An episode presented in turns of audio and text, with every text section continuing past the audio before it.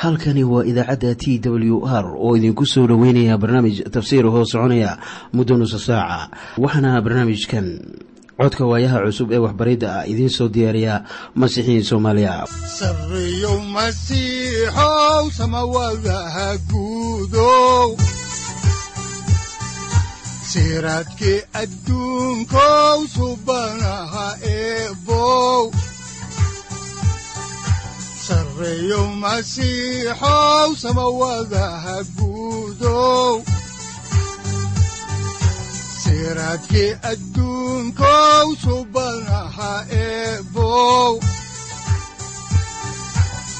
adigoo samada jiro ifkan soo saldhiganba adigoo samada jiro ifkan soo saldhiganba kutubtiisanaye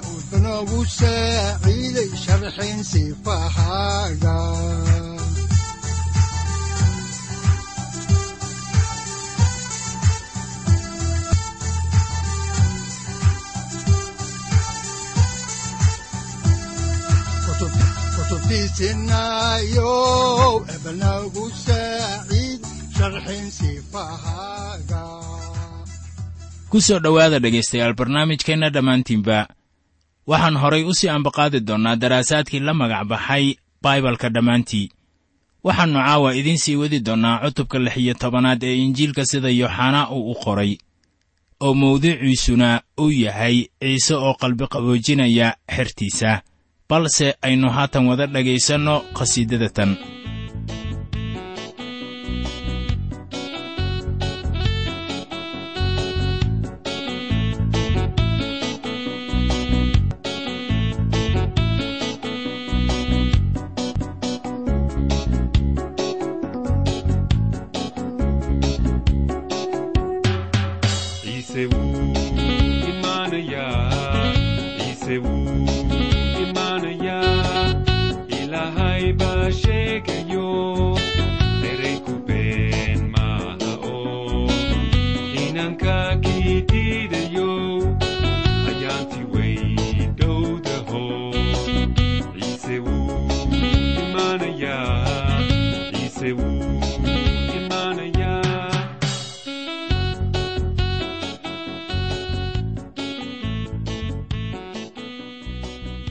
markii noogu dambaysay waxaannu tafsiil dheeraad ah ka bixinnay xaalka ku saabsan xukunka ciise uu inoogu sheegay aayadaha siddeed ilaa kow iyo toban.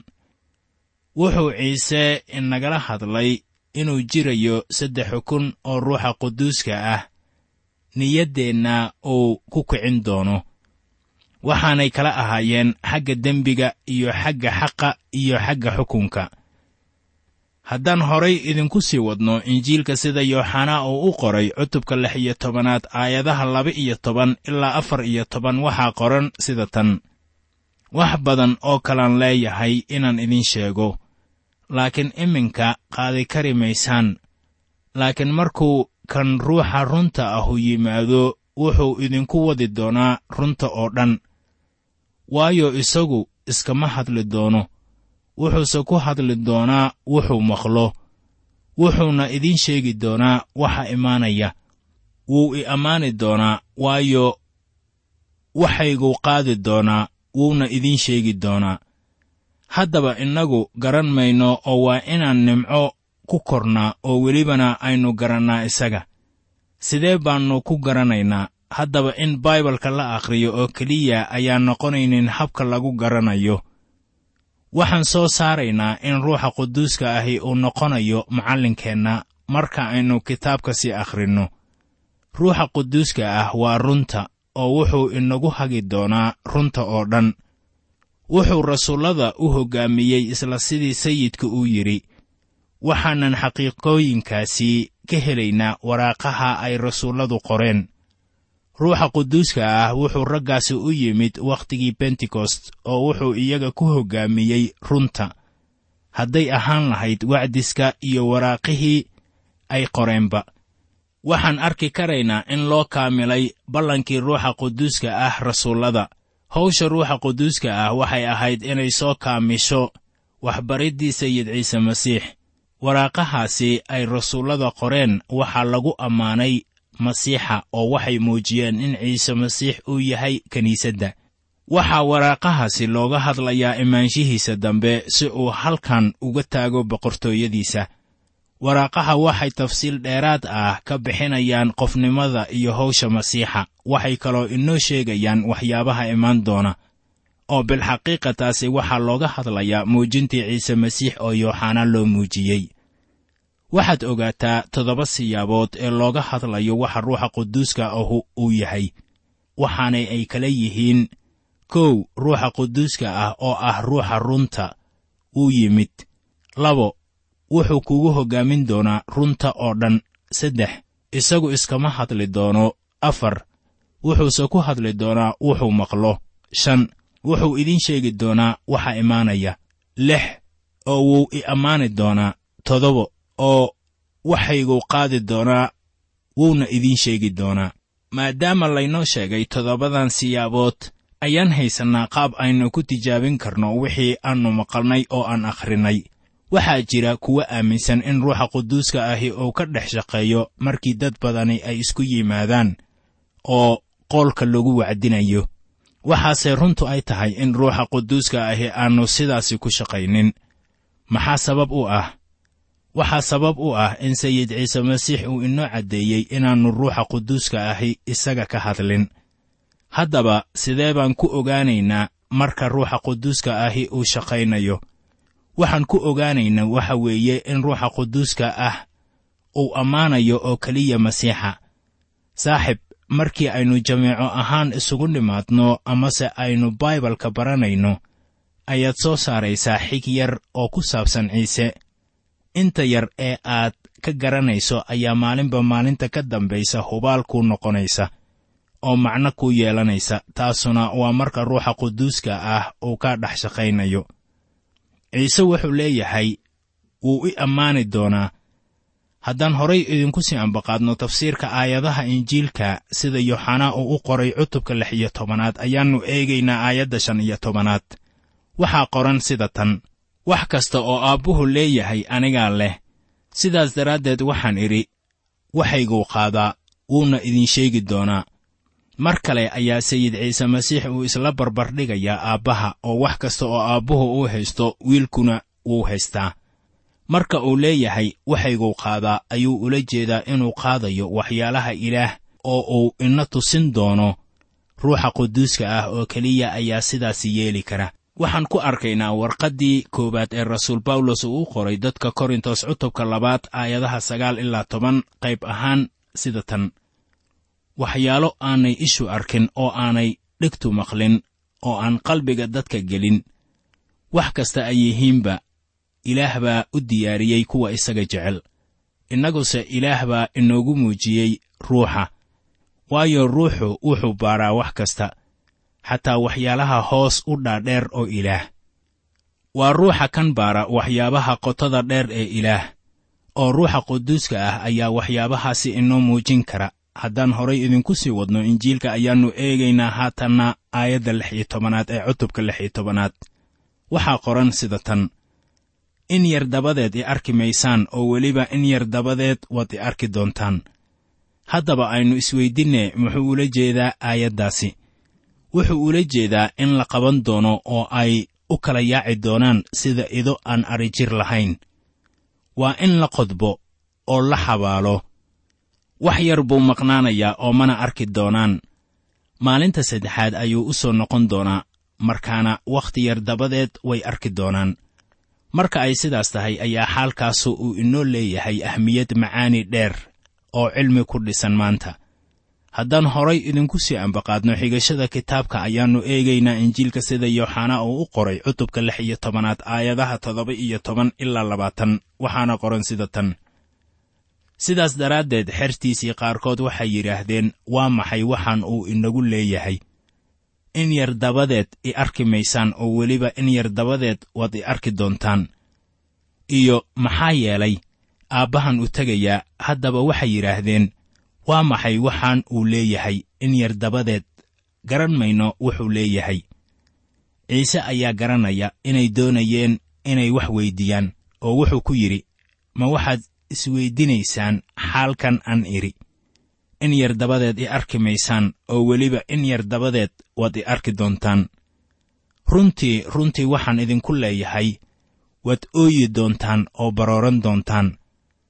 Duniduse waa farxi doontaa waad murugoon doontaan laakiin murugadiinnu waxay u rogman doontaa farxad. Haddaba innaba ma ay garanaynin waxa uu hadalladaasi ay isweydinayeen uga gol lahaa.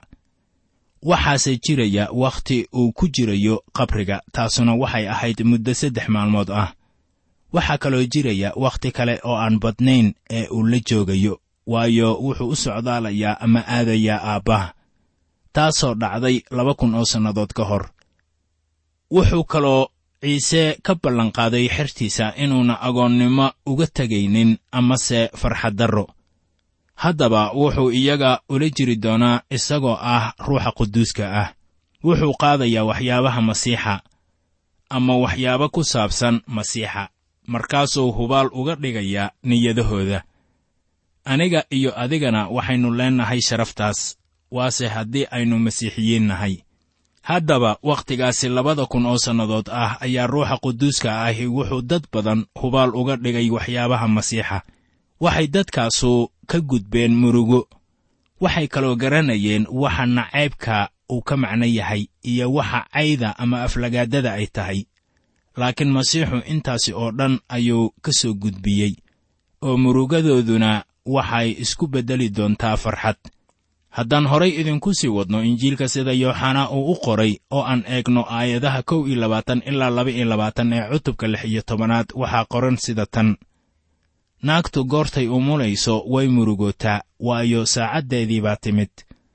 Laakiin markay ilmaha umusho dhibtii dib uma xusuusato. Waayo nin baa dunida ku dhashay. Iminka haddaba waad murugaysan tihiin laakiin mar dambe ayaan idin arki doonaa qalbigiinnuna wuu farxi doonaa. Farxaddiinnuna farxaddiinnana ninna idinkama qaadi doono. Haddaba wax micno ah yeelan mayso halka aad joogto iyo kan aad tahay. Marba haddii aad qaabishay masiixa ayaa saaxiib waxaad noqonaysaa carruurtii ilaah.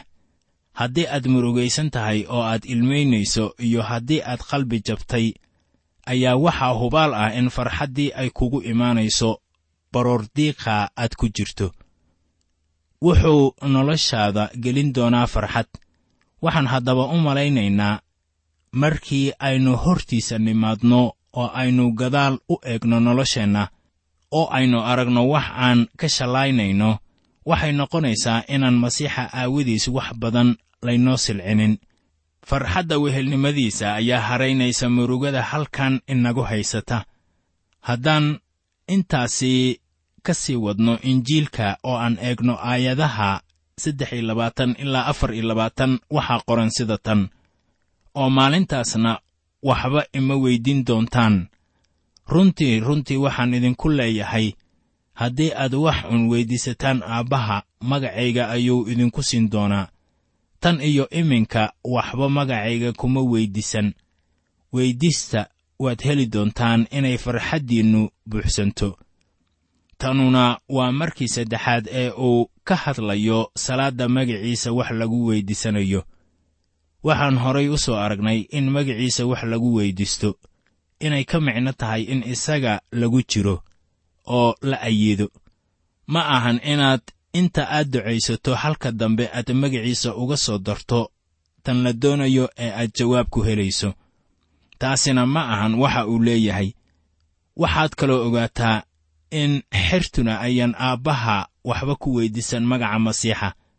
Haddaba maanta waa in aniga iyo adiguba aynu magaca masiixa ilaah wax ku weyddiisannaa dadka qaar baa laga yaabaa inay yidhaahdaan miyaynan ciise si toos ah wax u weyddiisan karin. Waxaan kugu leeyahay sidaas waad yeeli karaysaa laakiin meeshaad uga saaraysaa dhexdhexaadiyaha. Ciise wuxuu fadhiyaa gacanta midig ee aabbaha si uu kugu soo duceeyo. Taasina waa sababta ay waajibka u tahay in ilaaha aabbaha ah wax lagu weyddiiso magaca masiixa. Haddaan horay u sii ambaqaadno injiilka ayaa waxaa ku qoran aayadaha shan iyo labaatan ilaa toddoba iyo labaatan sida tan. Waxyaalahaasi ayaan masaallo idinkula hadlay.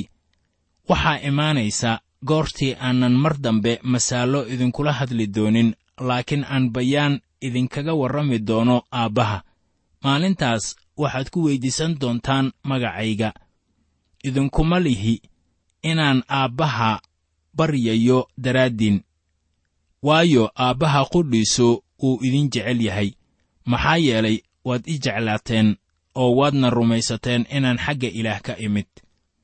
Waxaa markaasi ciise uu leeyahay waxaa imaanaysa goortii taasoo uu ula jeedo in qodbiddiisii ay soo dhowdahay oo saacaddii furashada oo dunidan u yimid ay imaanayso.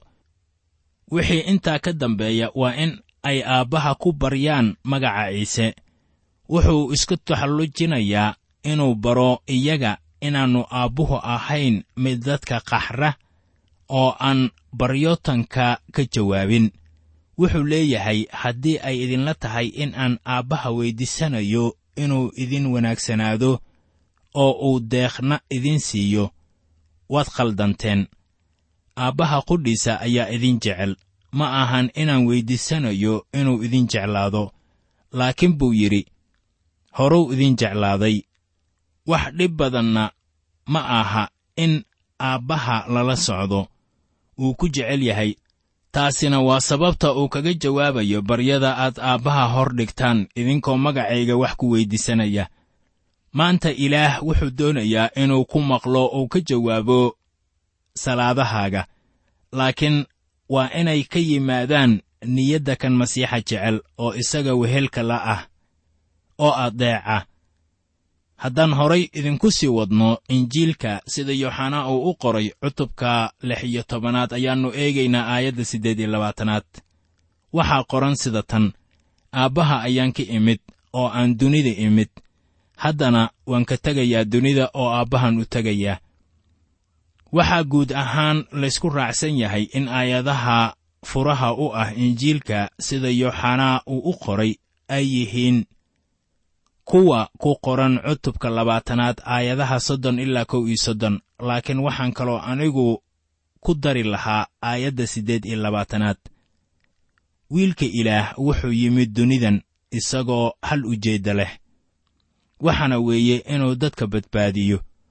Markii hawshaasi la hirgeliyey ayuu wuxuu ku noqday aabbaha.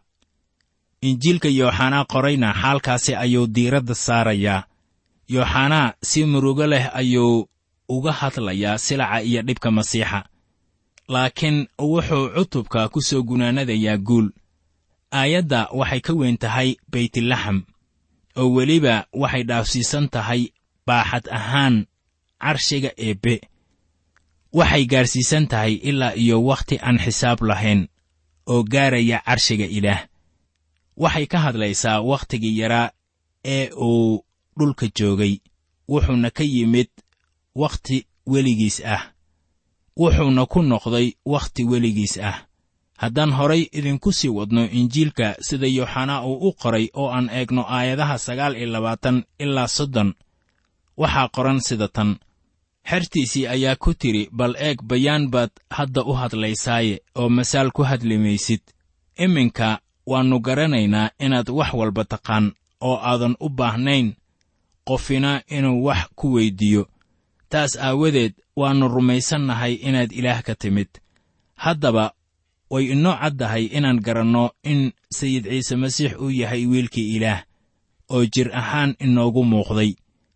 Waxaa markaasi jiraya qirasho ay xertu samaynayeen. Waxay ahayd inay ku qanceen xaqiiqooyinka. Waxay arkeen inuu ka yimid aabbaha oo uu yimid dunidan isaga waa masiixa wuxuuna ahaa badbaadiyihii dunida ee la qiray. Haddaba weli la garan maayo dhimashada uu mari doono sida ay tahay iyo weliba aalaaba sarakicidda iyo sama'aadistiisa ee uu galay samada oo uu ammaanta ilaah ku jiro. Weli ma ayaan garan taas laakiin laba kun oo sannadood kadib miyaan innaguba garanaynaa xaalkaas haddaan horay idinku sii wadno injiilka sida yooxanaa uu u qoray oo aan eegno aayadaha kow iyo soddon ilaa laba iyo soddon waxaa qoran sida tan. Ciise ayaa ugu jawaabay hadda ma rumaysan tihiin. Ogaada saacaddii baa imaanaysa waana timid. Kolkaad u kala firdhi doontaan mid kasta xaggiisa. Anna kaligay baad iga tegi doontaan oo weliba kaligay ma ahi. Waayo waxaa ila jooga aabbaha saacaddu waa imaanaysaa marka xertu ay kala yaaci doonaan. Isaga ayay ka tegayaan waayo waxaa la jooga aabbaha taasina waa layaabka ugu weyn. Ilaah wuxuu la jiraa masiixa si uu dunida kula heshiiyo masiixa.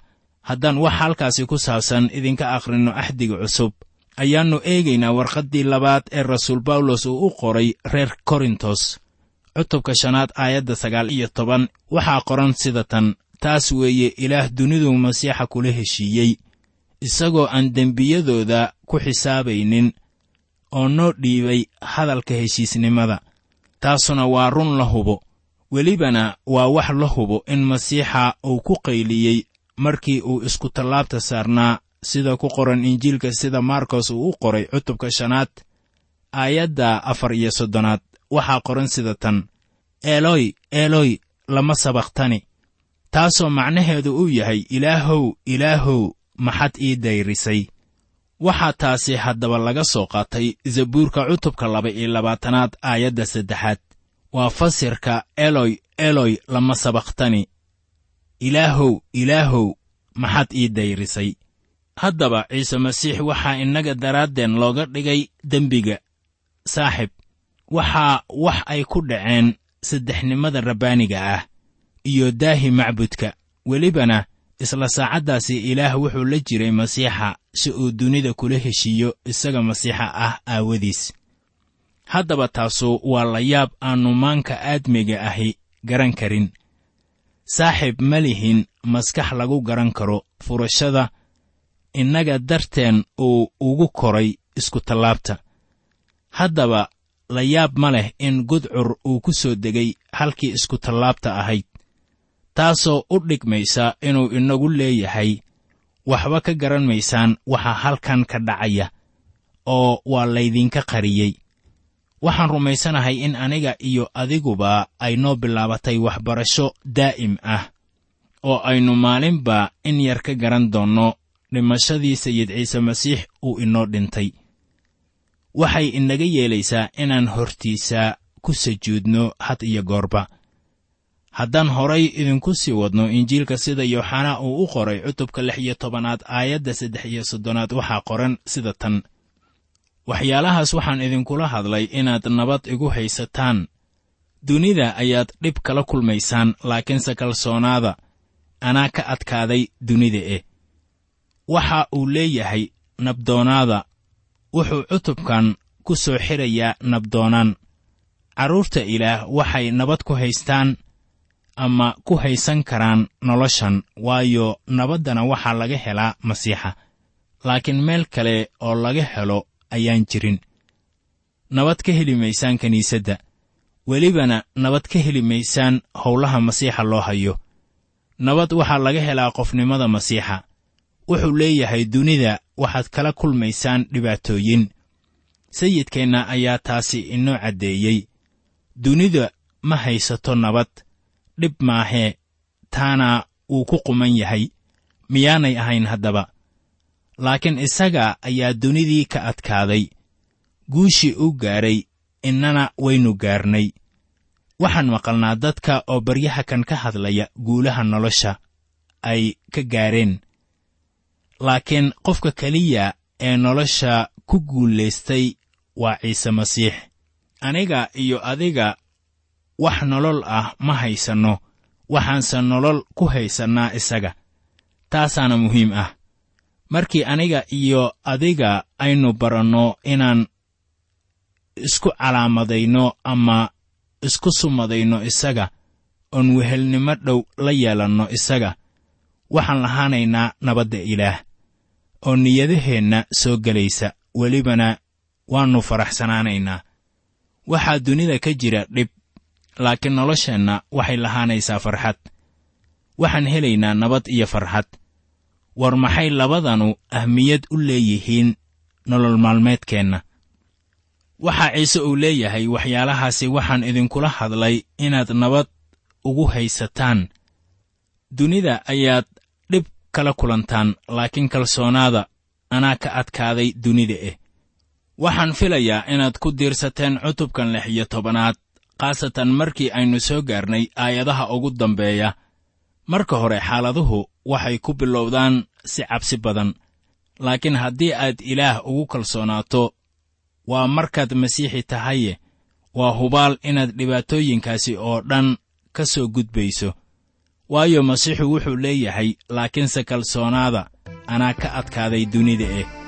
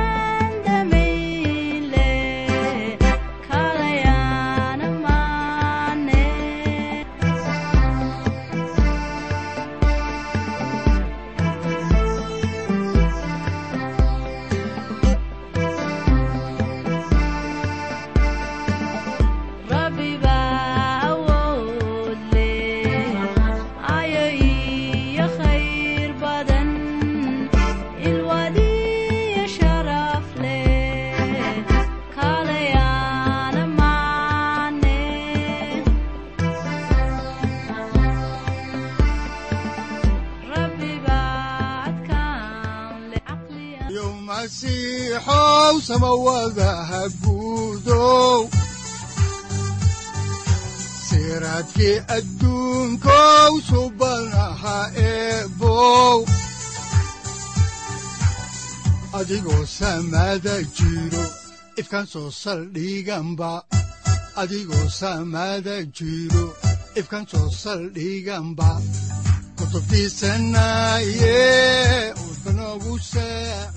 halkani waa t w r idaacadda t w r oo idinku leh ilaa ha idin barakeeyo oo ha idinku anfaco wixii aad caawi ka maqasheen barnaamijka. Waxaa barnaamijkan oo kalea aad ka maqli doontaan habeen dambe. Hadahan oo kale haddiise aad doonaysaan in aad fikirkiina ka dhiibataan wixii aad caawi maqasheen ayaad nagala soo xiriiri kartaan som t w r at t w r c o k e haddii aad doonaysaan in aad dejiisataan oo kaydsataan barnaamijka ama aad mar kale dhegaysataan fadlan mar kale booqo www t w r o r g amase www t t b t w r o r g. Amase waxaad teleefoonkaaga ku kaydsataa ama ku download garaysataa agabyada ku sahli karaa dhegeysiga t w r haddii aad doonayso in laga kaalmeeyo dhinacyada fahamka kitaabka amase aad u baahan tahay duco fadlan fariimahaaga soo mari bogga aaraahda ama kommentska inana jawaab degdeg ah ayaanu ku soo diri doonaa amase ku siin doonaaye sareyow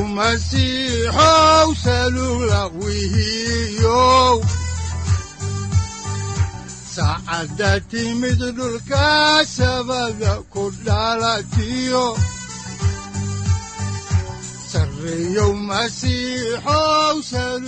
halkani waa t w r oo idiin rajaynaya habeen baraare iyo barwaaqaba leh.